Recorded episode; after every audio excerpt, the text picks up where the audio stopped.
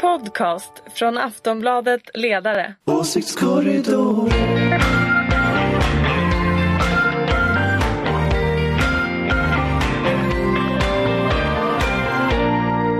Hej och välkomna till Åsiktskorridoren. Eh, Det är den sista för året, det är den sista för decenniet Eh, och då vi på grund av orsaker inte kunde spela in förra veckan så kommer vi ha massor att prata om den här veckan. Eh, Med oss för att göra det har vi Ulrika Schenström som är moderat. Jajamän. Vi har från Aftonbladets oberoende socialdemokratiska ledarredaktion Lotta Ilona Heyrinen Hej hej. och Anders Lindberg. Hej! Eh, välkomna allihop ska jag säga. Tack. Och vi ska också säga att det är eh, måndagen den 16 december, det är vid lunch när vi spelar in det här. Och jag heter Anna Andersson. Eh, hörni, vi, vi, ska, vi brukar ju prata mest svensk inrikespolitik, men nu ska vi först börja med eh, vad som kan ses som en slutpunkt för ett av de större politiska dramerna under 10-talet, nämligen det om Brexit. Boris Johnson sopade hem valet med en betryggande majoritet och jag kan inte se någonting som nu hindrar Storbritannien från att lämna EU den sista januari. Blev ni förvånade över det här valresultatet? Nej, vad var det jag sa? Jag säger det igen, Okej. vad var det jag sa? Okej. Det händer så ofta i den här åsiktskorridoren att jag får säga vad var det jag sa? Lotta? Jag trodde ändå faktiskt att det skulle bli, bli lite jämnare. Sen, sen måste jag erkänna att det här brittiska valsystemet är ju helt obegripligt för mig till att börja med. Så att det kan ha bidragit till, till varför jag trodde det. Men det är väl uppenbart att det blev eh, total röstsplittring och så här i efterhand så, eller som Labour inte klarade av att bära upp mellan, mellan Brexit och vänsterpolitik och så vidare. Så, att, eh, så, så här i efterhand kanske man hade Borde, Du borde ha se- lyssnat man mer borde, på Ulrika. man borde lyssna mer på Ulrika. Ja, Jajamän, till eh, protokollet. Anders? Nej, jag, jag, jag tycker inte man ska lyssna på Ulrika. Eh, Surprise. Men blev du förvånad? Trodde du också att det skulle bli ett jämnare val? Alltså jag följde ju mätningarna och pratade med folk som ägnar sig åt mätningar där och de sa ungefär så här till mig att under ganska lång tid så, så har ju de konservativa lätt. Och det är också helt uppenbart att det var en idiotisk idé för Labour att gå med på nyval. Men vad som hände var ju dels att Corbyn har tjatat om nyval under ganska lång tid och dels att eh, de eh, skotska nationalisterna och liberaldemokraterna krävde nyval. Och till slut så synade ju Boris Johnson hans bluff och krävde nyval och då satt ju Corbyn där. Och jag kommer ihåg rubriken från när det här blev, då, då hade de Turkish voting for Christmas som rubrik i tidningen, att, att, eh, att kalkonerna röstar för jul och man äter ju kalkon på jul i Storbritannien. Så det var väl det man gjorde nu, man åt, liksom, man åt liksom upp Labour. Så, att, så att det var ingen bra idé att ha ett val nu kan man säga. Sen var det så att förra veckan så kom det ju alltså mätningar det var ju två typer av mätningar i Storbritannien. Dels de här vanliga polls som vi har i Sverige med att man har tusen personer och så kollar man nationellt. Och sen har man sista veckan nedbrutna. Alltså man frågar över 100 000 människor och så får man ner på valkretsarna.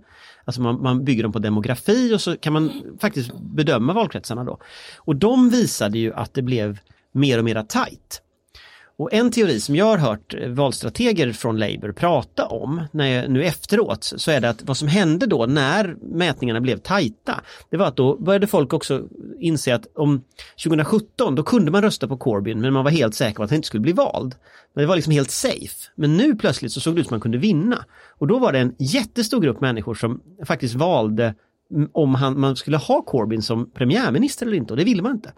Så att man kan säga att det var otur för Labour att de lyckades så bra sista veckan. För hade det varit samma läge som 2017 då hade vi kunnat få en positiv överraskning åt andra hållet. Ja, för jag tänkte just fråga, alltså, vad är det som har hänt i Storbritannien på två år? För Labour gjorde ett bra val så sent som 2017. Ja, Och nu detta det, det, totala- Det är inte, men är det inte katastrofval. så att Labour har gått väldigt långt ut i vänsterkanten och vad Conservatives har gjort eller Tories har gjort är väl att de har medvetet försökt fiska eh, långt ut åt den andra kanten om jag ska vara riktigt ärlig. De som vill gå ur, alltså de Brexit, Brexiteers så att säga. Så att jag tror att det är därför han har drivit den här linjen hela tiden om, om Brexit. Det är gamla Ukip som är Brexitpartiet. De här. Han har fått tillbaka de här gamla konservativa gubbstruttarna om Det- jag ska det- vara det riktigt är ärlig. det är en ju del av det. Så att Mm. han har ju bedrivit inrikespolitik i någon slags utrikes europeisk fråga. det är en, en förklaring men sen är det en väldigt, väldigt viktig förklaring att arbetarklassväljare har gått alltså direkt från Labour till eh, Tories. Och, och, den, den, och tittar man på liksom de här nedbrutna mätningarna så ser man att ungefär 35 procent av de som lämnade Labour lämnade på grund av Brexit-frågan. 45 procent av de som lämnade Labour lämnade på grund av partiledningen. Så, så det, det är alltså det, en, det var en viktigare fråga vem som ledde Labour än Brexit-frågan när man tittar på varför man gick den här direkt, direkt betyder mellan det, Labour och Tories. Betyder det här då att det inte finns några lärdomar för svensk socialdemokrati? Jag tror att det finns en dra? jätteviktig lärdom och det är att eh, det här är valet 2022 i Sverige. Eh, och, och, och, och det ska man vara medveten om att, att precis den mekanismen som får människor, alltså kultur, nationell identitet, som får människor att lämna eh, Labour för Tories, alltså det direktflödet. Det är samma mekanismer som får LO-väljare att gå från S till SD. Och, och, så att jag, jag, om, om jag inte, om, alltså när datan kommer från London till Sveavägen 68, vilket den kommer att göra inom närmsta dagarna, det är jag helt övertygad om, för de följer det här slaviskt, då kommer det att bli en skräckbild om inte den här datan är en, om inte Vadå, jag vad kommer det helt den fel. datan att visa? Den kommer att visa att det finns i princip idag ett nedhyvlat tröskel för vänsterväljare att gå högerpopulistiska, till högerpopulistiska partier, även om de inte tycker som partierna i övrigt. För de här väljarna tycker alltså inte en, de har inte en enda åsikt gemensamt med Boris Johnson när det gäller fördelningspolitik, skatter, välfärd eller någonting.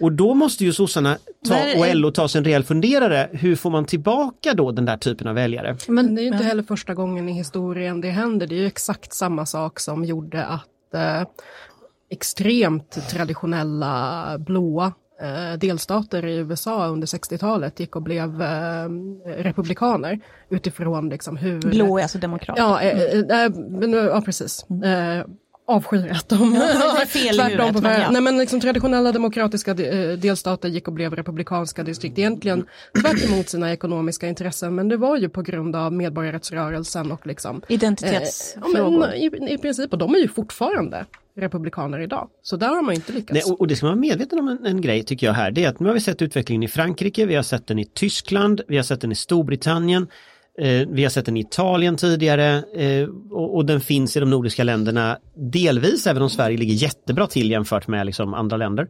Alltså, men Sverige är inte immuna. Men det är, någon, det är ett skifte som, som sker nu i liksom, den demografiska basen för socialdemokratin. Men man hör ju ganska ofta här hemma när man diskuterar vad Socialdemokraterna ska göra, så här, vi behöver rejäl vänsterpolitik, bedriv vänsterpolitik. Eh, det gick inte så bra för Corbyn. Kan man dra någon slutsats av det? Det, det, där är ju den tråkiga delen av det här att jag tror inte jag, jag vet inte detta för jag har inte sett liksom all data på det men jag tror utifrån den data jag har sett att det är inte så att Corbyn förlorade valet för att han var vänster. Men det är så att att han var vänster räckte inte till att vinna valet. Det vill säga den här vågen som kommer med nationell identitet, kulturfrågor, islam, flyktingpolitik, kulturkrig kunde inte hejdas av en vänstersväng. Det tycker jag är slutsatsen. Däremot kan man inte säga att Corbyn förlorade för att han var vänster. För det tycker jag liksom, med samma politik så gick det ganska bra 2017. Så, så det tycker inte jag man kan dra som slutsats. Men, blir- däremot funkade det inte. Men, men, men så- ja, alltså, jag tycker ju väldigt illa om det här kulturkriget och så. Och det är därför jag också förespråkar att man borde göra eh, reformer och sånt där så att man får prata sakpolitik och på riktigt och sådär. Eh, men en sak är ju att det var, alltså om, om vi tar åt andra hållet, varför jag tror att många kanske ändå tyckte att det var bra att gå till ehm, Boris, det handlar ju också om de enorma resurser han har gett till NHS. Och jag brukar säga det, att vill man vinna Den sjukvården statliga sjukvården. och det, det hamrade han in under en lång tid att det var det som skulle göras. Och det, och det är också en sån här spela på någons oro för att sjukvården inte ska fungera och går vi inte ur Brexit, eh, gör vi inte en Brexit så kommer vi inte ha, ha, hantera det här. Och han, det gjorde han faktiskt direkt och det var då han började gå upp ordentligt i siffrorna. Det finns ju något som Men kalla det- för, för kommandohöjder i olika länder, alltså vad man måste definitivt vara bäst på för att kunna bli statsminister, premiärminister eller så. Och i Storbritannien har man inte en bra sjukvårdspolitik där även faktiskt de som medarbetarna i vården har väldigt högt anseende jämförelsevis hur vi ser på det här hemma. Där tror jag du har väldigt rätt och där tror jag att, att eh, där tror jag en av nycklarna var till Labours valförlust för att de försökte byta ämne från Brexit till sjukvård i tron att då blir det de som vinner. Problemet var ju bara det att de har inte heller något förtroende i stora grupper av människor om sjukvården. Och det gjorde att det blev inte den universallösning som de trodde. Och det var ju till och med så att sista veckan, och det, det var en del till att Labour gick upp, men den här lilla pojken som det blev en bild av att han fick ligga i en korridor. Eh, det gjorde, alltså, tittar man på de som bestämde sig innan valrörelsen började, nu kommer jag inte exakt, exakt, exakt ihåg siffrorna, men jag tror att det var 46 procent av de som röstade Tory, 29 procent som röstade Labour. Medan när du kom in på upploppet, de som bestämde sista dagen, då var det 36 för Tories och 33 för Labour. Det vill säga, valkampanjen ledde till att Labour vann. Men det räckte inte. Och det är det som är liksom problemet med vänstersvängen. För nu har vi gått runt och tänkt att ja, men vi löser SD med att sossarna går åt vänster. Ja, nu har vi testat det fullskala, det räckte inte. I England alltså? I England. Knappast i Sverige? Vi vet inte om det funkar i Sverige eller inte. Men, ja, men, vi jag, har inte testat i Sverige. vi har inte testat i Sverige, men jag tror att man ska ta, lyssna väldigt noggrant på dem. Då kanske det är så att man ska svänga vänster och göra något mer. Det behöver inte betyda att man ska svänga någon annanstans. För det är fortfarande så Måste man inte i valrörelsen att de gick upp. Är det- inte- är det inte det som, som delar av SM då liksom har försökt att göra nu? Liksom tycka, tycka vad man vill om det men just att liksom eh, apropå frågor som man måste ha svar på, då har man liksom identifierat kriminaliteten och migrationen som sådana saker och har liksom gjort eh, diverse mer eller mindre lyckade utspel i de frågorna. Eh, vad, liksom, vad, vad, finns det alternativ bortom det? Liksom? För jag, kan, alltså jag skulle också, så här, om, jag- om jag skulle vara eh, progressiv i USA på 60-talet, att då säga nej, svarta ska inte ha några rättigheter, det känns ju inte som att det liksom är en rimlig stance att ta i, i, i kulturkriget. Liksom. Det finns väl några S som är på väg i den riktningen. Men måste man inte ge sig in i hela den här identitetsfrågan då och, och liksom bygga någon slags eh, vänsteridentitet? För det eller? känns ju som att det är den analysen som det här börjar på att landa i efter liksom Labourvalet, att det räckte inte med vänsterpolitik utan liksom Brexit och den här. Jag, jag vet inte om jag ska vara ärlig. Jag, tycker, jag, jag, jag har träffat flera av dem som satt och tänkte ut den här valrörelsen och pratat med dem. eh, I England. I England. Eh, och jag skulle egentligen varit där förra veckan, vilket det sket sig. Men jag, jag, och jag kommer åka dit efter årsskiftet igen och försöka klura för min egen del. Men, men det som är så uppenbart det är att de testar ju hypoteser som vi liksom teoretiskt diskuterar i Sverige, den är nu testad en hypotes i Storbritannien. Eh, Jag är inte beredd att avfärda den. Jag tror inte att det är så att liksom traditionell socialdemokratisk politik inte kan vinna val. Men däremot är det uppenbart att traditionell socialdemokratisk politik bara vinner inte val. Så frågan är ju vad man kompletterar det med. Eh, och och, och där, där tycker jag ju att den här diskussionen sossarna har hållit på med, med att så förbjuda tiggeri och den där typen av saker, det tror inte jag, det tror inte jag ger något, det är bara att kopiera motståndaren. Det är triangulering, det här liksom att man kopierar motståndaren. Så frågan är liksom vad finns det för andra alternativ? Vilka, Vilka vi- andra vi- vi-? Var vinner man val på? Merkel vinner ju inte heller liksom. Eh, Macron är inte särskilt populär, alltså det finns ju inte så mycket ledare som lyckas. Nej men om du skulle jämföra det med Sverige så är det väl ganska bra att ha fasta ordentliga reformer på både jobb, ekonomi och välfärd. Eh, och traditionellt, jag menar eh, pensioner, det är väl en fråga för Socialdemokraterna kanske. Och, Bostäder kanske? Ja, Slänga men framför in. allt alltså den historien med ATP och, och, och så skulle jag säga att och dessutom är det ju 2,2 miljoner människor som är pensionärer just nu. Så att varför inte dra i den? Och det gjorde Shekarabi igår på Agenda. Så att, så att eh, jag kan också tycka att det liksom är, alltså om jag försöker säga vad är traditionell liksom, socialdemokratisk politik för mig? Eh, eller progressiv politik och då är det välfärds, eh, välfärdsfrågorna i centrum och jag kan tycka att det någonstans är sjukt, eller känslan som jag får av samhället är att välfärdsfrågor liksom kodas som mjuka frågor i debatten hela tiden. Och pratar man om det då är man liksom mjuk och sen så struntar man i liksom kriminaliteten och så vidare. Och för mig blir det helt skevt. Alltså för mig är det väl, liksom ett starkt samhälle och ett starkt välfärdssamhälle är också någonstans ett, ett, ett hårt samhälle i den meningen att man faktiskt har sociala resurser att ta till. Liksom. Ganska, så det finns en stark vuxennärvaro i skolorna. Ett till samhälle med exempel. muskler, liksom. Ja, men det är ett samhälle med muskler där vi liksom tar hand om varandra och ser till att, så att om någon hamnar på glid i liksom redan på mellanstadiet, då finns det liksom en vuxennärvaro som kan ta fatt i det. Det finns ett civilsamhälle som har goda kontakter med skolan där liksom fotbollsläraren också kan säga att men om inte du sköter dig i skolan då kan du inte komma på träningen heller. Det är bara så. Liksom. Och det där känns som så att den här helhetssynen tycker jag liksom inte finns kvar i politiken. Deppigt. Vi ska, vi ska fånga in Nej det här. men det är ju just det här vi har tjatat om att det måste vara så att politiken behöver hålla på med politik. Mm. Vi, vi ska, Men de går ju åt andra Nu hållet. ska vi backa hem till Sverige Jag, här. jag tror att det där är avgörande för jag tror att även brittiska valet var väldigt mycket order och sånt där. Alltså det var väldigt mycket trams runt omkring och symboler och känslor och så. Det är klart att nu kanske det blir en annan typ av debatt efter att Brexit har varit. Eh, och det är likadant i Sverige, om vi kan komma över liksom Alltså flyktingdebatter och alla sådana saker. Det är klart då finns det ju en annat politiskt samtal. Men det, jag måste ändå ge det brittiska eh, eh valet eh, någonting positivt och det är att de här reklam reklamfilmerna, valfilmerna var faktiskt ganska roliga. Både den som Boris hade gjorde med, med. med, med Love actually och den som Corbyn gjorde med de här tweetsen. Mm. Det, ja, det, det finns någon slags, ändå någon slags ironi, humor vi, som vi, finns vi där. kanske kan trösta oss med att det brittiska wittet Det finns kvar. Aldrig Ja, alltid något. Det kan man inte rösta det. bort. Nej. Det kommer fler val tänker jag också. Men hörni, vi ska tillbaka hem till Sverige för där har det också varit dramatiskt sen vi träffades senast. Eh, jag tänker på hela soppan runt Arbetsförmedlingen som har liksom varit sakfrågan. Där ju oppositionen samlade ihop sig alltså till höger och så Vänsterpartiet och hotade med att fälla Eva Nordmark om man inte, eh, arbetsmarknadsministern alltså, om man inte stoppade reformeringen av Arbetsförmedlingen. Och det lyckades. Eh, regerings, regeringen och underlaget backade. Ehm, ja, alltså man kan ju prata både sak och princip här. Vi ska börja med sak. Vad händer med Arbetsförmedlingen nu? Alltså det här apropå eh, det starka samhället och socialdemokratisk politik. Det här har ju varit kronan länge. Vad Jag- händer med jag- Arbetsförmedlingen? Jag är ju, jag, jag, jag, jag Vänsterpartiet är naturligtvis en stor vinnare på detta, de är jätteglada. Men det här betyder att den skjuts upp i ett år. Eh, privatiseringen kommer att fortsätta, den kanske blir lite mer organiserad. Men, men, Men själv, det är väl bra?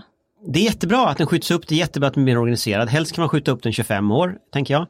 Eh, Men, men jag problematiken i att vi privatiserar allt mer av vad som borde vara offentlig verksamhet eh, fortsätter ju. Så att, så att jag menar, det, visst det är en seger, men det är samtidigt en, en, liksom, det är en tidsbegränsad seger. Någon som vill? Nej.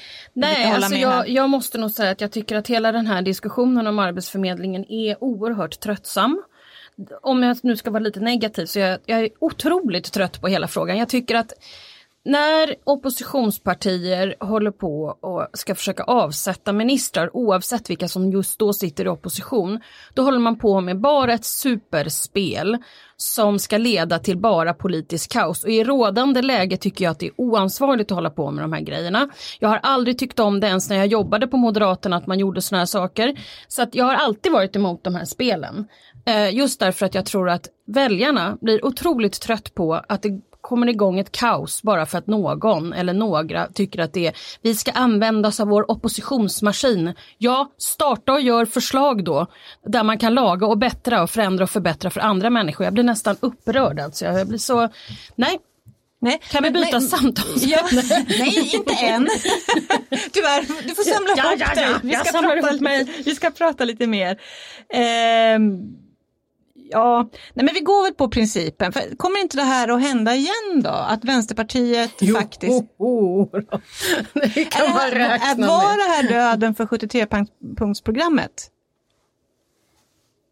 Var det här döden för 73-punktsprogrammet? Nej, Nej, säger du. Varför inte då? Va- va- Därför att jag tror inte att den här regeringen kommer att eh, krascha, krascha någon gång. Jag tror inte det. Utan jag tror att om vi nu bara alla kan börja jobba på med våra eh, liksom, eh, med politik och politikutveckling. Jag tycker det var bra att Ardalan Shekarabi var ute igår om pensionerna även om jag inte vet om det var populism eller inte. Men det var bra för det var ett innehåll åtminstone. Så att sånt, mera sånt, mera sakpolitisk diskussion, tack. Men om vi ska återgå till det som hände, alltså Vänsterpartiet, de drog ju i nödbromsen på, av sakliga skäl, till, till skillnad från... Jag eh, tror bara de ville visa upp att de håller på med lite opposition. Det här är lite vinster i välfärden. Jag tror absolut att de höll på med någon opinionsbildning för sig själva. Men är det inte skillnad om man ändå är emot i sak? Menar, Nej, men det är klart att jag, jag är ju inte alls för att man skulle helt och hållet göra på det sättet och framförallt i ett läge där vi går in kanske i en lågkonjunktur snart så kanske inte eh, förstör arbetsförmedlingen som försvinner framförallt från små orter och sånt där. Det där måste man ju utreda under en ganska lång tid om det ska fungera och göra på det där sättet. Så det var väl det att man gjorde det så snabbt så att Eh, så, och det kan man ha många synpunkter på och jag har säkert jättemånga om jag skulle liksom studera detta närmare. Men jag tycker hela, hela formfrågan blir lite banal om jag ska vara ärlig.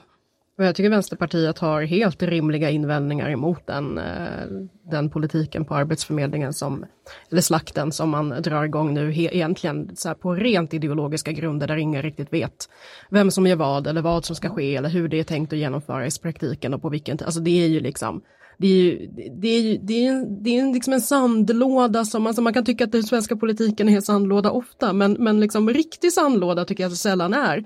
Men här Ja, är det verkligen jag det. tycker, hur mycket Men kan man själva- misshandla en själva- myndighet? Nå, nej, inte, inte om man vill behålla något som helst förtroende, särskilt på väg in i en, i en lågkonjunktur. Men just det här liksom, så, så på det sättet ja, det är skillnad mellan, eh, mellan det Vänsterpartiet gör, även om jag är emot liksom hela, hela Du taktiken. tyckte de gjorde fel? Ja, det Ja. tycker jag. Alltså någonstans, det hade lett till ett nyval och det hade liksom de fått, eh, fått bära bära hundhuvudet för och acceptera att det också skulle vara konsekvensen, vilket jag inte uppfattade som att en enda vänsterpartist faktiskt eh, klarade av att erkänna. Men att sen vara parti som bara sitter där för att obstruera och, eh, och vara eh, så irriterande mot regeringsmakten som möjligt, det är någonting annat. Liksom. Och det är ett mirakel att någon väljare har förtroende för det här systemet just nu faktiskt.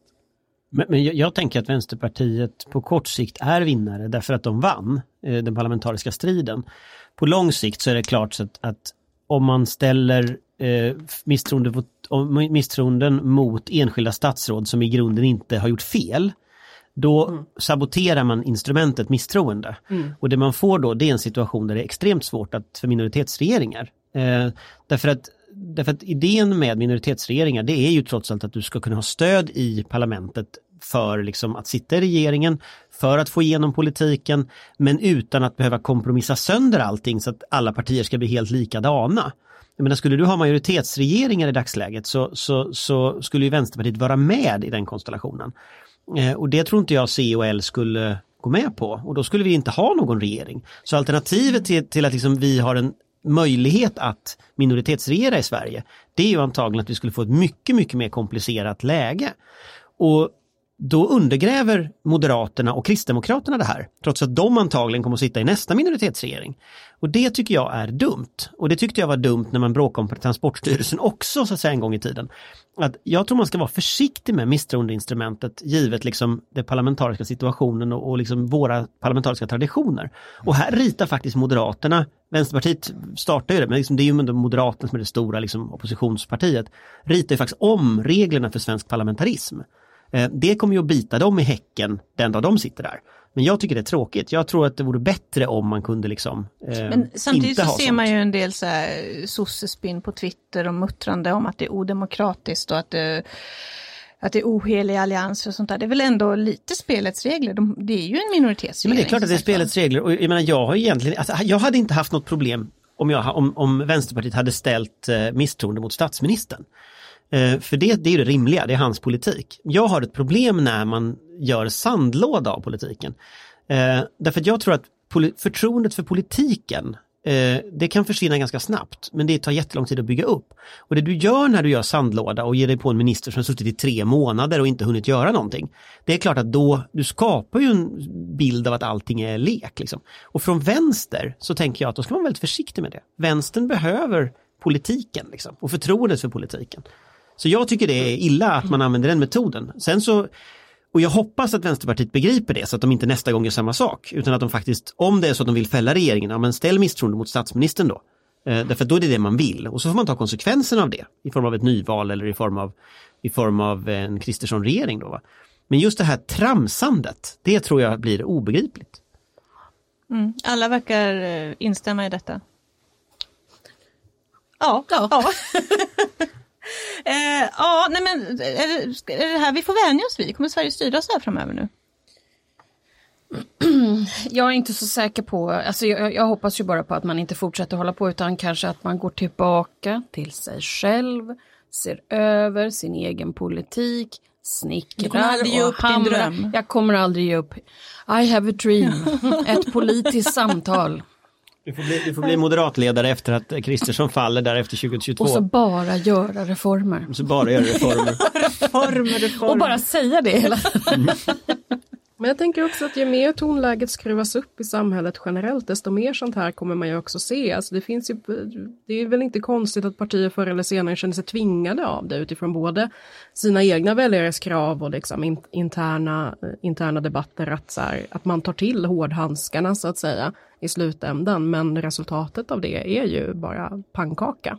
Men utvecklingen tror jag går att begripa sig på hur olycklig den än är. Och nu, nu är ju frågan å ena sidan liksom det verkade som att Vänsterpartiet blev ganska tagna på sängen av hur fruktansvärt mycket kritik de fick från både LO och socialdemokrat, liksom vänsterlutande socialdemokrater som de nog trodde sig eh, ha med sig. Men, eh, men om de nu har segrat eller liksom så att säga vunnit det här så är frågan De fick om en det skalp inte, i alla fall.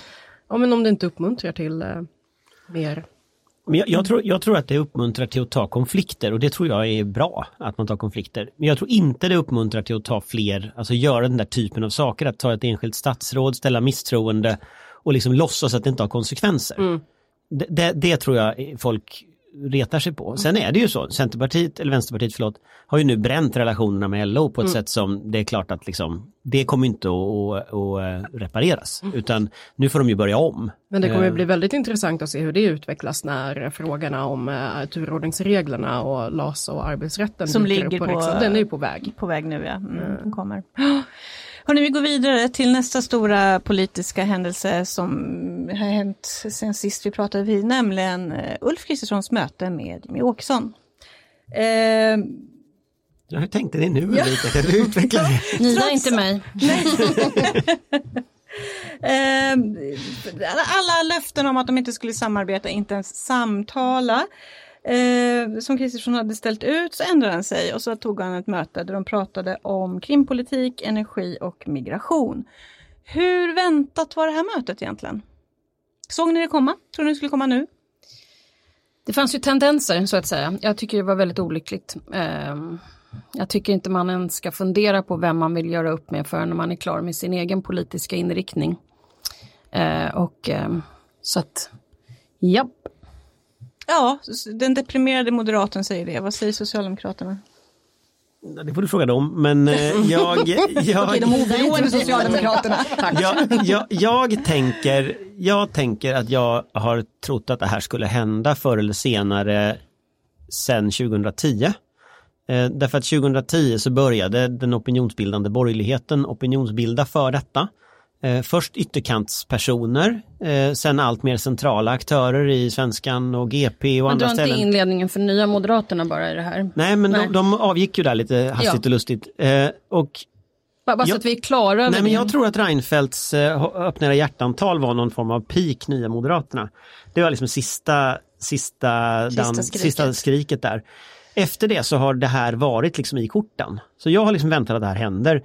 Sen så var det väl kanske klantigt av Ulf Kristersson att åka iväg till Heidi Frid, Heidi Frid med en DN-fotograf och lova att aldrig samarbeta med, med SD. En minst sagt olycklig Eh, debatt får man säga. Ha- Hade han inte gjort det, så, det var ju han själv som åkte dit och lovade, det är ju ingen som har tvingat honom att lova henne att inte samarbeta med SD.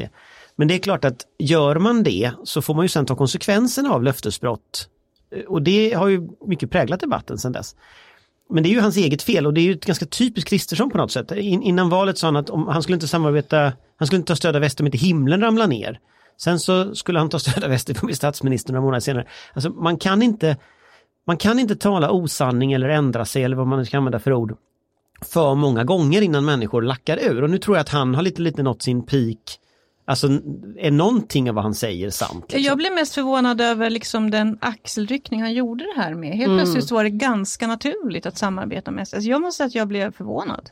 Ja, framförallt med tanke på att han riskerar den här äh, berömda splitten i Moderaterna. Eh, Så jag, jag tror nog snarare att Anders Borg-linjen är kanske mer att förorda. Frågan är om inte den splitten lite redan har skett. Ja, förlåt, Nej, Anders Borg-linjen. Så är det. Alla såg så förvånade Ja, ut. ja, ja. Nej, inte jag. Det är tusen år sedan han var minister. Alliansen plus S. Jaha, Den är jag mer intresserad av så att säga. det känns den, ja man ska aldrig säga aldrig, det, här. det har gått så, det har hänt så mycket i svensk Man kan politik. aldrig säga aldrig Nej, längre. jag vet. Men jag, jag bara ballar in den. Att Ja. jag, jag, jag är nog mer benägen att tycka att Anders Borg-linjen är bättre. Okej, förlåt Lotta. Nej, jag bara, nu, nu blev jag, och det, Anders Borg-linjen är alltså i praktiken att Alliansen ska samarbeta med S? Ja. Då? Okej, nej tack. Men, Nej, men, jag, men nu har vi rätt ut det. Ja. eh, nej men, men jag funderar på den, liksom, den här splitten, alltså, det, har ju, det, det här har ju ändå pågått i några, alltså jag, jag är, jag, jag är skit eh, grinig på det här, eller jag är liksom arg. Jag, och, liksom, och på något sätt liksom... På vad då? Men Precisera. på, liksom, jag är besviken på, på nu har jag liksom, vet jag inte hur många, hur stora förhoppningar jag lagt på Ulf Kristersson någonsin liksom. Men det finns någonting som är liksom både liksom desperat och mycket, alltså det känns som att det kommer från en liksom irriterad plats från första början och sen blir man irriterad igen när, när man plockar upp Hedi Frid i debatten. Man försöker, alltså just att han försöker göra det med en axelryckning och sen så fort man börjar prata, men du drog ju med dig de här DN-fotograferna till henne, liksom. vadå partipolitiskt spel? Det är ju du som har startat det här spelet.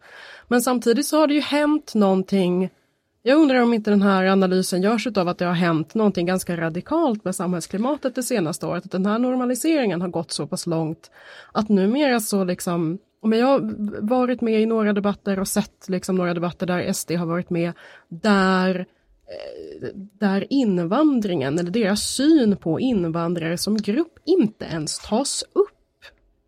Och det tycker jag är liksom, eh, så här, samtidigt som Expo kan visa på de här eh, dolda, mm. dolda Facebookgrupperna mm. där man liksom fortfarande, man kallar folk för ohyra, man, man, man, man liksom jämför afghanska flyktingbarn med kack kackerlackor. Alltså det, det språkbruket grovt. finns kvar, det är jävligt grovt. Men numera så pratar man inte om SD på det sättet alls och det dyker inte ens upp i debatter där de är med. Och då har det ju hänt någonting som gör, som jag tror bidrar till att Ulf Kristersson tror att han ska kunna göra det här med en axelryckning. Men, men jag, tror, jag tror också att han kan det på sätt och vis för att, för att tittar vi på Moderaternas reaktion efter att Anna Kinberg Batra eh, gjorde något liknande som inte alls var lika långtgående då blev hon ju i praktiken, eh, dels föll hon ju opinionen jättemycket och dels blev hon ju avsatt som partiledare. Eller hon fick avgå i alla fall. Eh, något liknande väntar ju inte Kristersson. Så är du säker? I opinionstappet har vi i alla fall inte sett till. Eh, om det är så att det på något sätt sätter igång så centrifugala effekter i Moderaterna, det, jag, jag det kan bara, du göra. Jag vill liksom. ju bara säga då en sak, eh, jag som då är moderat, eh, kanske mer ny moderat då. Eh, jag har ju Annan väldigt moderat. svårt att se hur Moderaterna i till exempel Stockholm, som har gjort upp med Miljöpartiet, som är en lite annan typ av moderater än de som bor i länet eller nere i Skåne eller så.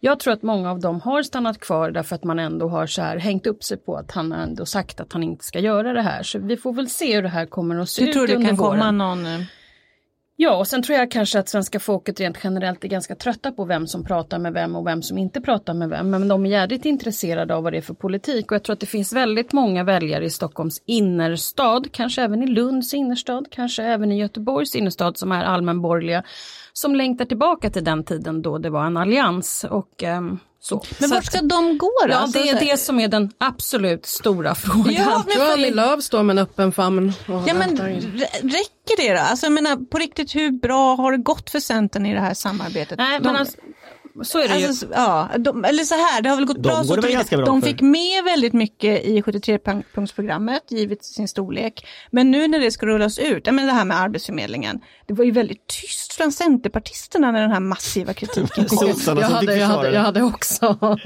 men alltså- gömt mig. Fast det var ju lite Jag menar roligt. att jag så- säger det här, men så var det ju. Det var liksom regeringskansliet som med väldigt hård retorik försvarade den här uppgörelsen.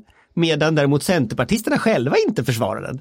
Ja, nej, men alltså det jag menar, känns några, inte center, Centerpartiet... några centertroll såg inte, alltså hela den här Men vi, jag, jag, apparaten jag såg tror inte inte till den liksom. liksom glansen falnar Jag har lite ingen aning men jag tror att liberaler. väldigt många kanske går till soffan ett tag när de blir uppringda och får frågan ifall man vad man vill rösta på. Det är ju en sak vilka som är medlemmar så kanske en del stannar kvar och vill kämpa för någon linje. Det är ju en helt annan sak. Men alltså de som traditionellt har röstat på Moderaterna och då tänker jag även på den typen av moderater som kanske är moderater i själ och hjärta men röstade på sossarna i valet 18 för att hålla SD borta. Så att det, det, bara för att man är moderat behöver man inte vara med i partiledningen så att säga utan man kan ju också ställa sig till någonting annat. Så att jag tror att många kanske Imagine the softest sheets you've ever felt. Now, imagine them getting even softer over time. I'm here to tell you about Bowl and Branch sheets. In a recent customer survey, 96% replied that Bowl and Branch sheets get softer with every wash. They're made from the rarest organic cotton and designed to get softer over time. Try their sheets with a 30-night guarantee, plus 15% off your first order with code BUTTERY. So head to B-O-L-L and branch.com today. Exclusions apply. See site for details. kan Ja, ja, vi ska se hur det här ser ut under våren, men man är alltså nere på Bo Lundgrens siffror egentligen. Alltså 17, 15 och 17 är ungefär samma sak. Så att Och det var från den grunden 15,2 som Nya Moderaterna och Fredrik fick ett mandat till att göra om partiet på Men riktigt. d- där undrar jag en sak och det är liksom varför plockar inte Moderaterna in någon gammal person, inte gammal, men någon person som faktiskt vinner val. Erfaren. Erfaren. Alltså he- hela det här gänget som sitter i ledningen för Moderaterna nu, det är liksom folk som har vuxit upp inom ramen för den här konflikt, konflikten. Så sitter så här Anders Borg, som ju trots allt ändå, ändå lyckades leverera så här 30 procent, det är liksom dubbelt så mycket som Moderaterna är nu, på sidlinjen och gnäller. Liksom. Varför plockar man inte in den typen av folk? Det måste finnas massa Det människor var som- precis samma sak, det var precis samma sak som varför man inte gör det i andra partier.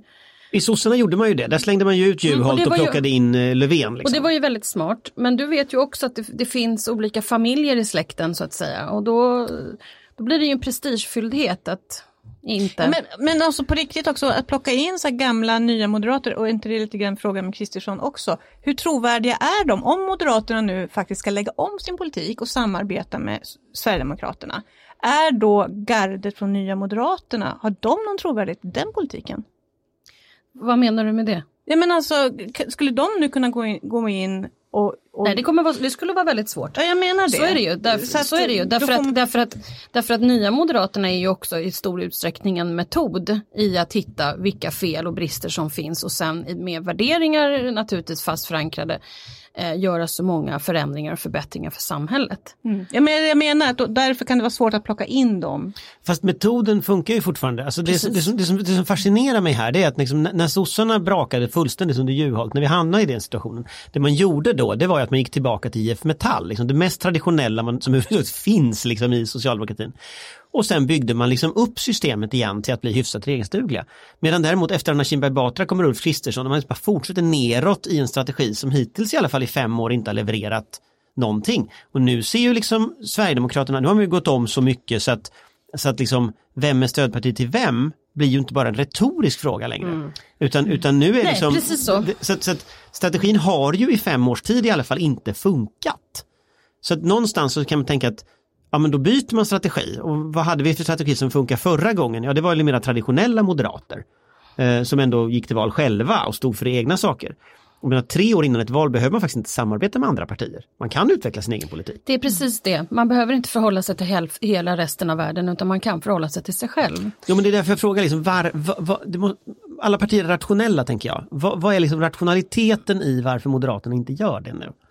Ja, det är, det är en gåta. Vi får väl gräva i det under nästa Jag år. Varje åsiktskorridor under hela 2020. Ja, vi slänger Jag- ut jag den frågan i etern. Vi, måste snart avsluta, men innan vi gör det så har jag bättre att tänka på. Vi står inför ett nytt år, vi står inför, inför ett nytt decennium till och med.